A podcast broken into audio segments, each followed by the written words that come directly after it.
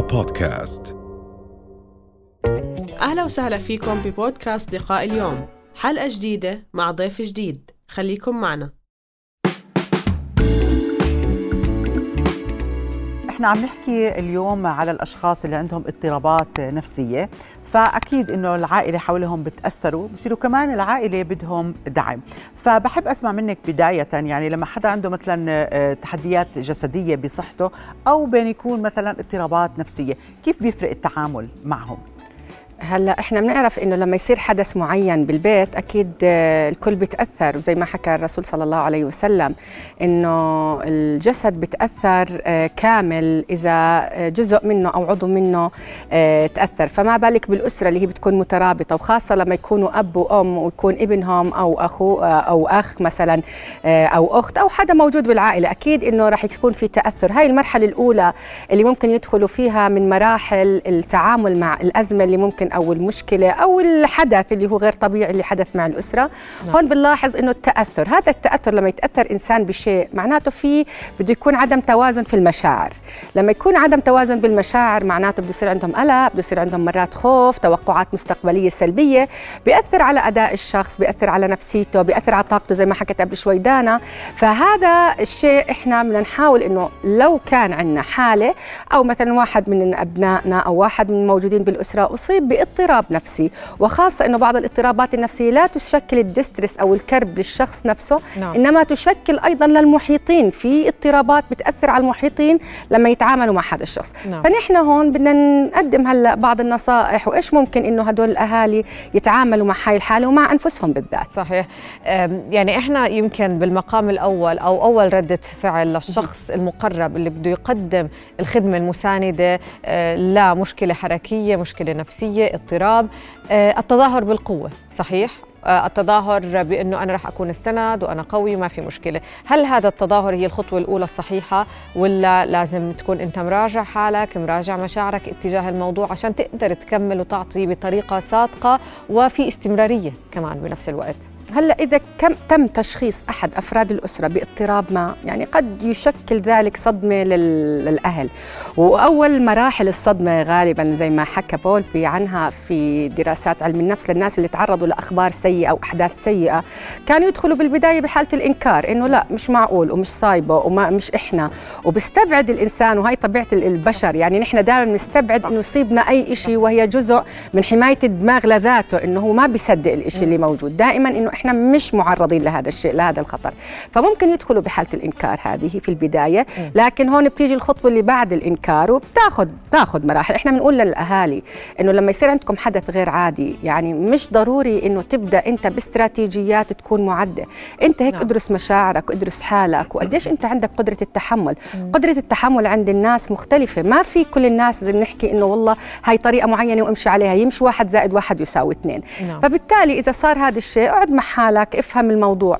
حلو يصير عندك وعي بالحالة الاضطراب النفسي اللي صاب أحد أفراد الأسرة سواء كان اكتئاب سواء كان أو سي دي سواء كان هو أكيد في بعض الاضطرابات ما بتيجي هيك فجأة.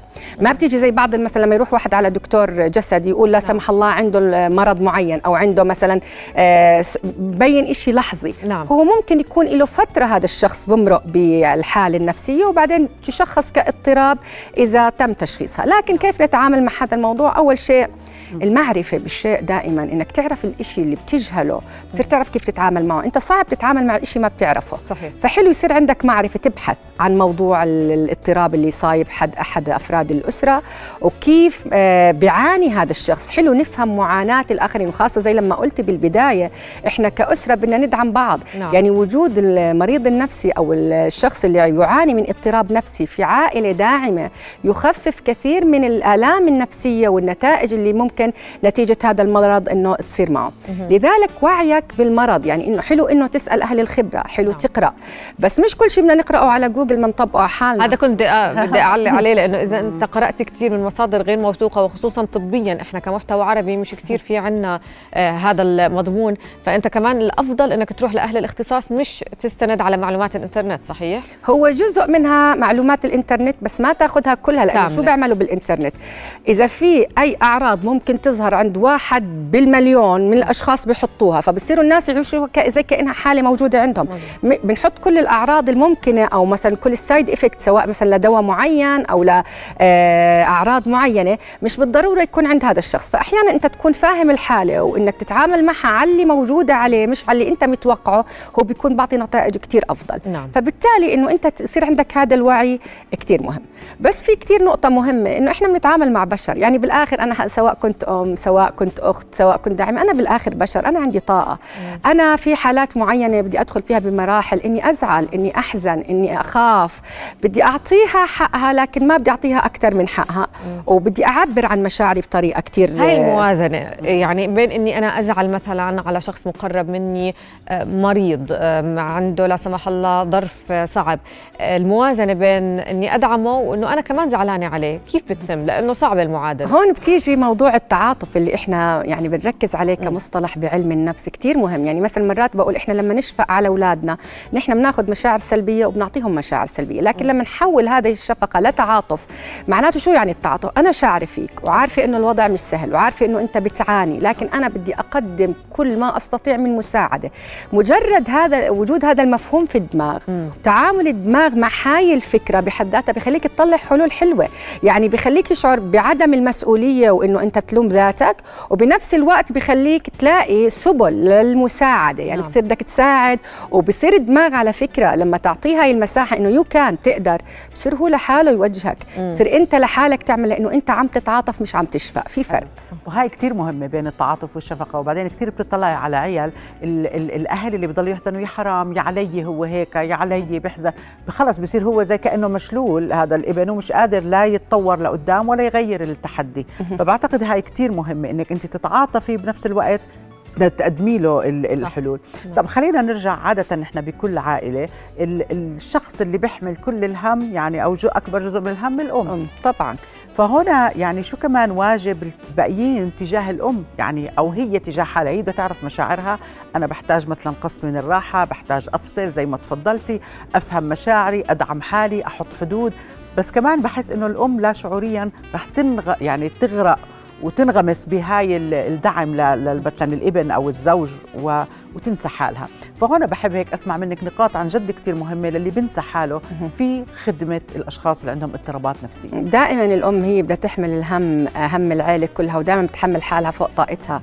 وهذا الحكي بتعبها كثير ويمكن كمان بيأثر سلبا عليها وعلى العيلة. مشان هيك بدنا نقول للأم اللي عندها حالة خاصة بغض النظر كاضطراب نفسي أو شو ما كانت نوع الرعاية المقدمة إنه انت مطلوب منك كل الدعم لكن ما تنسي حالك لأنه دائما بقول بحب حاله بحب الكل واللي بيبدأ يعمل مشاعر أو مثلا يضحي أو إنه أنا بدي أهمل حالي حتى إني أقوم بخدمة وخاصة إذا شعروا بمشاعر الذنب إنه أنا مطلوب مني إني أنا أهتم بكل شيء بكل التفاصيل وأنسى حالي هون. بقولها لا انتبهي على حالك عشان أنت لما تجددي طاقتك أنت عم تعطيها للمحيطين وتعطيها لهذا الشخص اللي بحاجتك.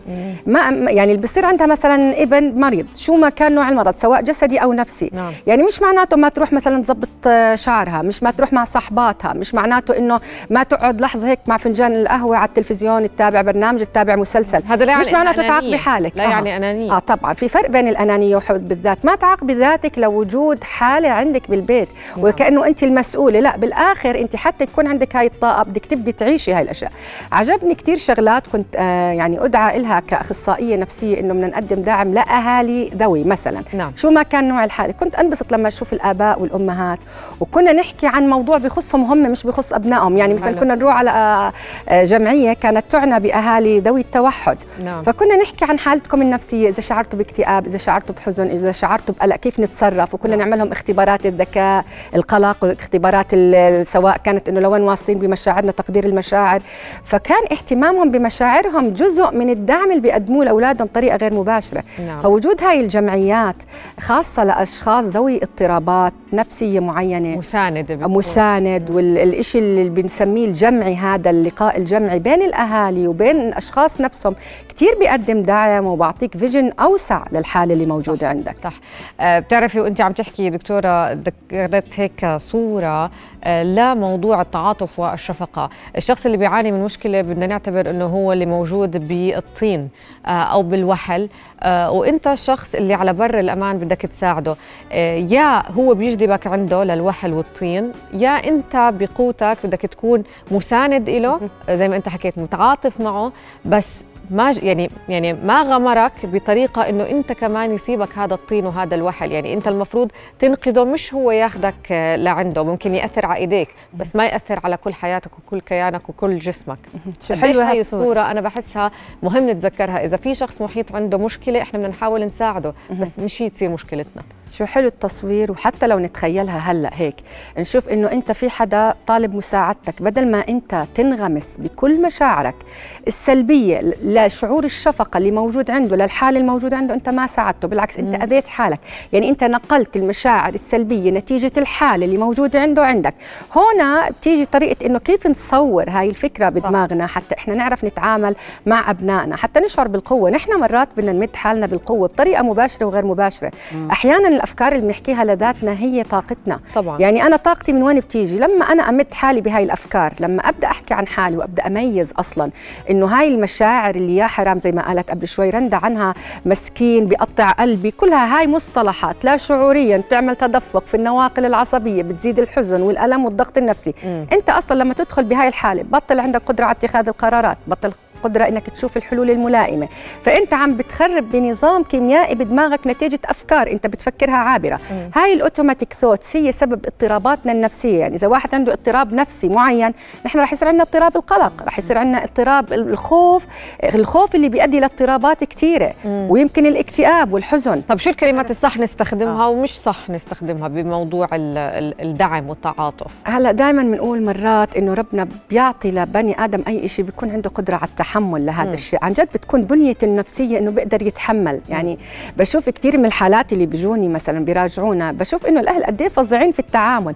فبقول عن جد الله معطيهم القدرة وعرف لمين يروح هذا الولد بهذه الحالة بالذات. أوكي. فاحيانا أنت تقول لما ربنا أعطانا هذا الشيء ما أعتبره إنه عبء. يعني إذا أنا أخذت إنه الحالة الموجودة عندي لابني المضطرب نفسيا إنه عبء خاصة إذا كانت اضطرابات من درجة الفصام أو البايبولر أو مثلا الاكتئاب الشديد للأبناء سواء بعمر صغير أو عمر كبير إنه ما تعتبرها إنه عبء وإنه أنا شو هالبلا يعني بدي أعتبرها بلوة لا. أحيانا بدي أعتبر إنه ربنا أعطاني على قدر ما بتحمل وإن شاء الله إني أنا بكون على قدر هالمسؤولية لأنه كل إنسان دائما الشيء بيكون بجزاء العمل يعني بيكون إنه قد ما أنت عملت بتاخذ الجزاء. فاحيانا الإنسان بمر بمشقات ومصاعب مش معناته إنه هو بائس وإنه حظه أسوأ من غيره لكن هذه هي الحياة ما بنعرف شو بيجي علينا. بعتقد إنه بيكتشف مواطن قوة عنده. بحب أسمع منك شو المؤشرات اللي الشخص لازم يتوجه لارشاد نفسي أو لشخص يساعده يعني اللي بيدير باله على على الشخص اللي عنده اضطراب. هذا الشخص اللي مسؤول مرات بيصير يعني مؤشرات إنه لا أنت لحالك لازم تروح عند حدا زي إرشاد نفسي يساعدك أو يساعدك. هلا الوعي بالصحة النفسية صار عم بنتشر والفضل طبعا لوسائل الإعلام ووعي الناس والخبرات الإيجابية اللي بياخذوها الناس اللي بيراجعوا أحيانا كل ما يتعلق بالصحة النفسية.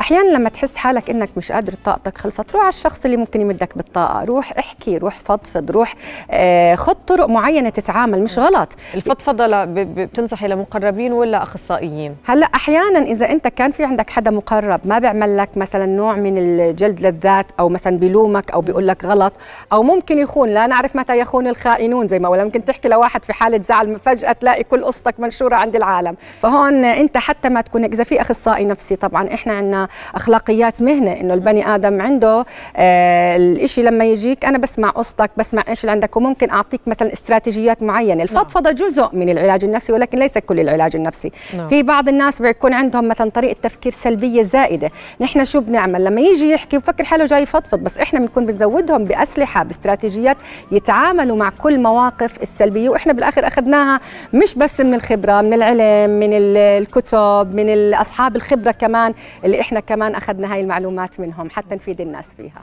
شكرا لك دكتورة نهاية. رؤيا بودكاست.